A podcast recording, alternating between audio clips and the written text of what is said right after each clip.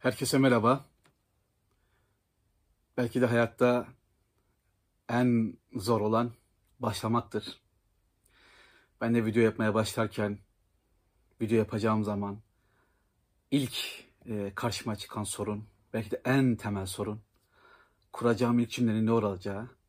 Herkese merhaba diyorum. İşte arkasından genellikle umarım iyisinizdir, inşallah iyisinizdir diyorum. Ama ardından ne diyeceğim? Hep oraya takılıyorum. Bazen kekeliyorum. Bazen ne diyeceğimi şaşırıyorum. Başlamak zor. Hele hele felsefeye başlamak epey zor. Çünkü zaten geçmiş korkularımız var. Ee, bazı inançlarımız var. Felsefenin çok zor olduğuna dair. Felsefenin anlaşılmaz olduğuna dair inançlarımız var. Düşüncelerimiz var, ön yargılarımız var. Ve ve çoğu zaman da nereden başlasam sorusuna vereceğimiz bir cevap yok. Ben kendi naçizane felsefe okumalarımdan yola çıkarak, merak ettiğim için, anlamaya çalıştığım için yola çıkarak birçok metne ulaştım, birçok metin okudum. Ama okuduktan belki aylar, yıllar sonra tamam da doğru yerden mi başladın, doğru şey mi yaptın, böyle mi olması gerekiyordu, şunda fazla uğraşmadın mı, bunu fazla anlamaya çalışmadın mı? Ve bazen hiçbir yerden hiçbir yere gidiyorsunuz. Bazen sıfırda sıfır elde var sıfır oluyorsunuz. Sonraları özellikle işte klasik, daha doğrusu antik e, çağ filozofları, ardından Orta Çağ filozofları ve özellikle aydınlanma dönemi ve sonrasındaki filozoflar. Bunları okumaya çalıştığımda aslında buraya girdiğinizde kolay kolay çıkamadığınızı, çıkamayacağımızı fark ettim. Çünkü birçok kavram, birçok terim, birçok birbiriyle ilintili, ilişkili olay, durum yaşanmış. Ve bir insan felsefeye başlayacaksa nereden başlamalı? Nasıl okumalı? Sorusuna kendimce cevaplar aradım.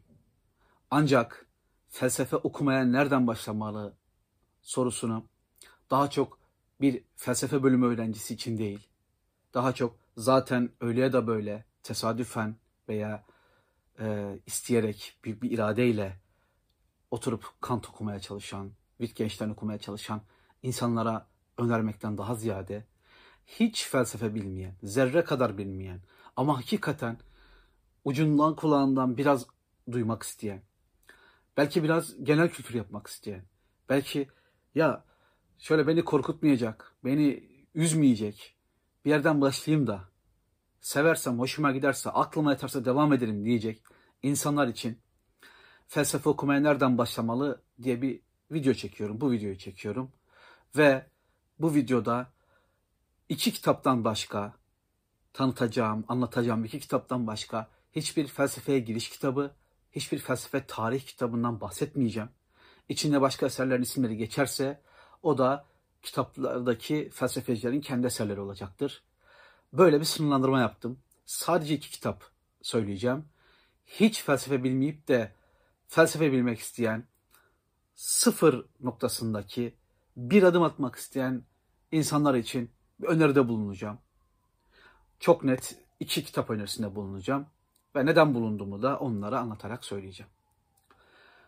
Birincisi felsefe okumak demek, biraz da felsefe tarihi okumak demektir. Bu kitaplardan biri genel felsefi sorular üzerinde duruyor, bir ise bir felsefe tarihi kitabı. Dediğim gibi korkacak bir durum yok, küsecek, darılacak, kaçacak bir mesele yok. İki, kolay ama basit, basitliğin sebebi çok rahat anlaşılmaları ama iki çok önemli kitaptan bahsedeceğim. Bunların biri bir felsefe tarihi kitap olan ve felsefe okumaya başlayanlar için çoğu kişinin önerdiği bir kitap. Nigel Warburton, Nigel Warburton, Türkçesi çok güzel söyleniyor. Ben Nigel Warburton diyeceğim. Lütfen telaffuza takılmayın. Nigel Warburton Alfa yayınlarından çıkan ki elimdeki 49. baskı, felsefenin kısa tarihi. 49. baskı bir kitap. Bu kitap 300 küsur sayfa civar, 350 sayfa civarlarında bir kitap. İçinde 40 bölüm var. 40 bölümde 40'tan fazla, bazı bölümlerde e, birden fazla filozofun adı geçiyor.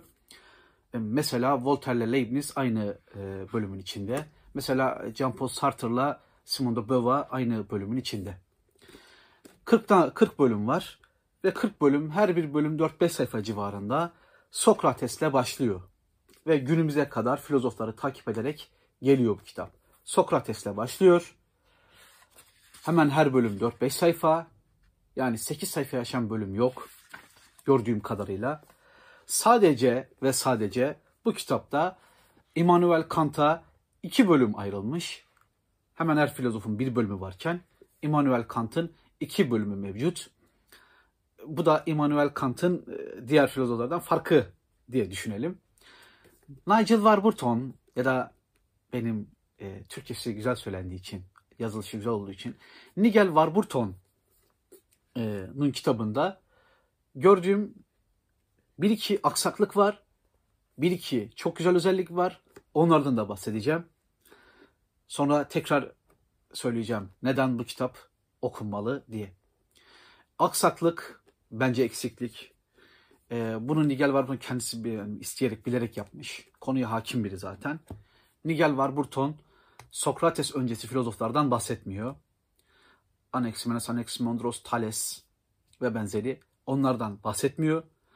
En azından bir bölüm onları da alsa iyi olurdu. Kitap Sokrates'le başlıyor. Soru soran adam diye bir bölümle başlıyor. Birinci bölüm budur.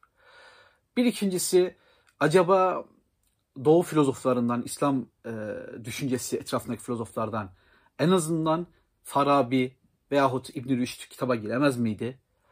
E, bu bir soru olarak aklıma takılıyor. Kitabı önermemizin ana nedenlerinden, iyi nedenlerinden bir iki tanesini söyleyeceğim. Ben kitap okurken gerçekten çok memnun oldum. Genel felsefe tarihi kitaplarında, felsefenin ister kısa ister uzun tarihi kitaplarında e, yazıcılar, kitabı yazanlar genellikle Cicero'yu bir filozof olarak kitaplarına almazlar. Ama Nigel Warburton Cicero'yu kitabına almış. Genellikle Lucius Boethius'a, felsefenin tesellisi kitabını yazan Lucius Boethius'a özel bir bölüm ayırmazlar. Burada ayrılmış. Bu da yapılmış. Ve gelelim bence kitabın en güzel noktasına. Bizim bilim adamı diye bildiğimiz, bilim adamı olarak e, hep anlattığımız ama e, filozofik taraflarını inkar ettiğimiz veya görmezlikten geldiğimiz veya görmezlikten gelinen veya üzerine çok durulmayan ki bence durması gerekir. Mesela Charles Darwin kitapta felsefenin kısa tarihinde yer bulmuş. Bu bence çok güzel, çok önemli. Ayrıca Darwin'in dışında Sigmund Freud'u bu kitapta bir felsefeci olarak görüyorsunuz. Ve bence bu da e, yazarın olaya bakışının ne kadar sağlıklı olduğunu gösteriyor. Çünkü bu insanlar hem birer bilim adamıydı hem de devamlı e, genel üzerine, doğa üzerine, insan üzerine devamlı düşen insanlardı, kişilerdi. Onların da bir felsefe kitabında, felsefenin kısa tarihi kitabında karşımıza çıkması güzel. Bir başkası bu kitapta ben iki tane gördüm.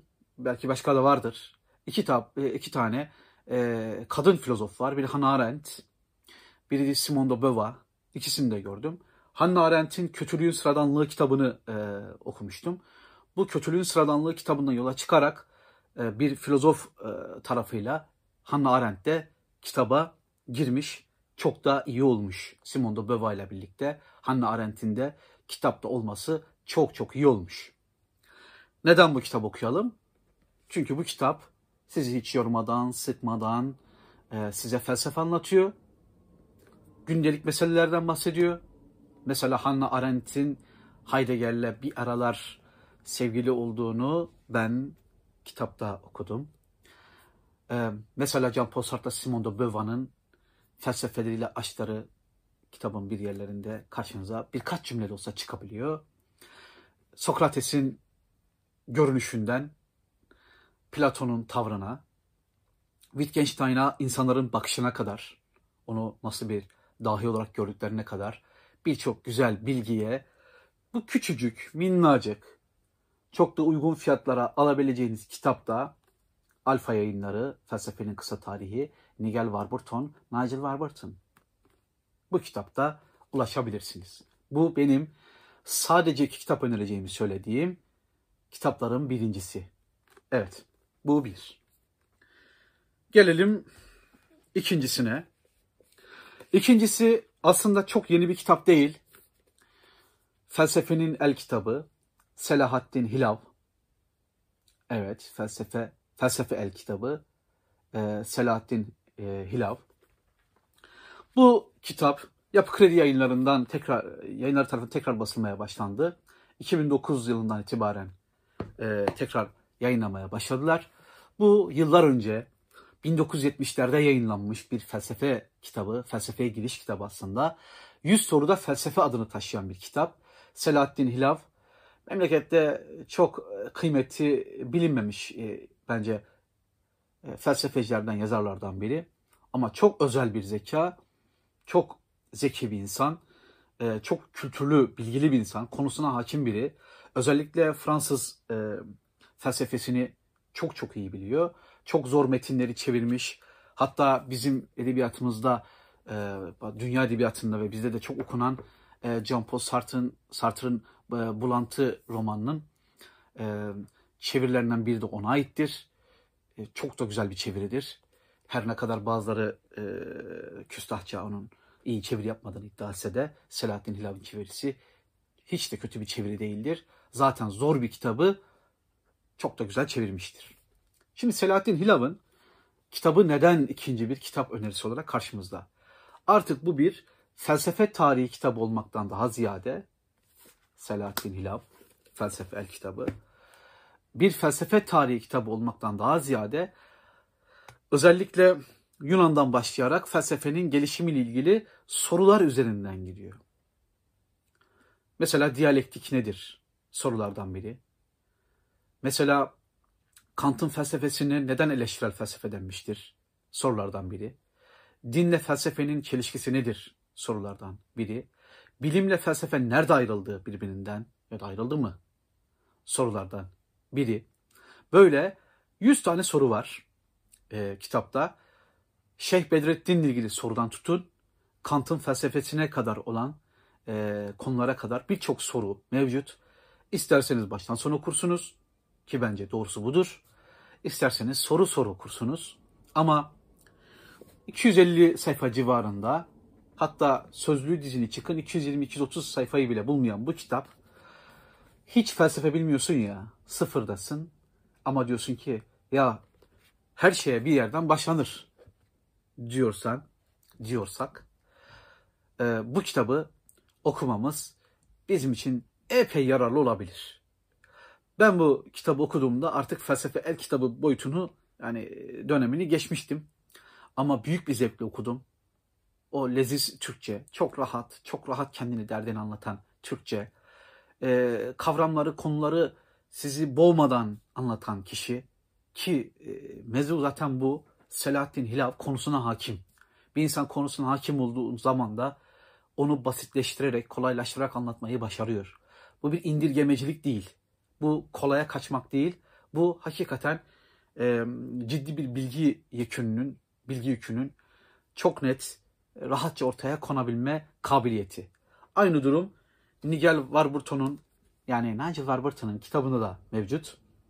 Aynı durum işte Selahattin Hilav'ın Felsefe El kitabında da mevcut. Sıfırdan mı başlıyorsunuz? Bir yerden başlamak mı istiyorsunuz? O zaman bu iki kitabın adını analım. Bakın hiçbir başka felsefe tarihi kitabından, hiçbir felsefeye giriş kitabından bahsetmedim. Eğer en baştaysanız, başlangıçların en başındaysanız, noktanın en ucundaysanız, noktanın ucu varsa, eğer tam çizgideyseniz bu iki kitapla başlamanız yararlı olacaktır. Ben ara sıra dönüp bu kitaplara bakıyorum. İki kitabı da çok beğeniyorum. İyi kitaplar olduğunu düşünüyorum. Daha ileri yazılabilir mi? Yazılabilir. daha iyileri bir yerlerde vardır da benim haberim olmayabilir mi? Elbette olabilir. Ama bunlar benim size tavsiyelerim. Kendim de bunları bir şekilde deneyimledim. Modernlerin, modern çocukların deyimiyle. Önerim çok net, çok açık bir öneri. Eğer bu videonun ardından e, iyi tepkiler alırsam, e, özellikle e, bu verdiğiniz e, şey tavsiye işimize yaradı vesaire gibi tepkiler alırsam, ikinci bir basamak olarak başka iki veya üç kitabı tanıtmayı düşünüyorum. E, videoları birbirine bağlayıp, konuları birbirine bağlayıp anlatmak istemiyorum. Önce bir bakalım. Bu videolar birilerine ulaşacak mı? Birilerinin tepkisini, olumlu tepkisini alacak mı? Veya olumsuz tepkiler gelecek mi? Onları da göreceğiz. Ardından aklımda başka kitaplar var. Hani buradan sonra, bu sıfır noktasından sonra birinci adım olarak ne okuyabiliriz diye başka kitaplar düşünüyorum. Onlara da değinirim. Çok teşekkür ediyorum. Algoritma gereği, YouTube algoritması gereği beğenirseniz bu videoyu lütfen beğeni butonuna basın. Lütfen abone olun eğer e, abone değilseniz, abone olmak isterseniz. Bundan sonrasını merak ediyorsanız. Gerçekten bunu e, YouTuber tripleri diye düşünmeyin. Hava olsun diye söylemiyorum. Sistem başka türlü çalışmıyor. Yani izleyicinin e, aktif katılımıyla e, ilerleyebiliyor videolar. E, bunu zaten siz biliyorsunuz. Ha, ben de hatırlatmış olayım. Çok teşekkür ediyorum. Bir daha göstereyim. Nigel Warburton. Felsefenin kısa tarihi ve Felsefe El Kitabı Selahattin Hilav. Teşekkürler. Yeniden görüşmek üzere. Kolay gelsin.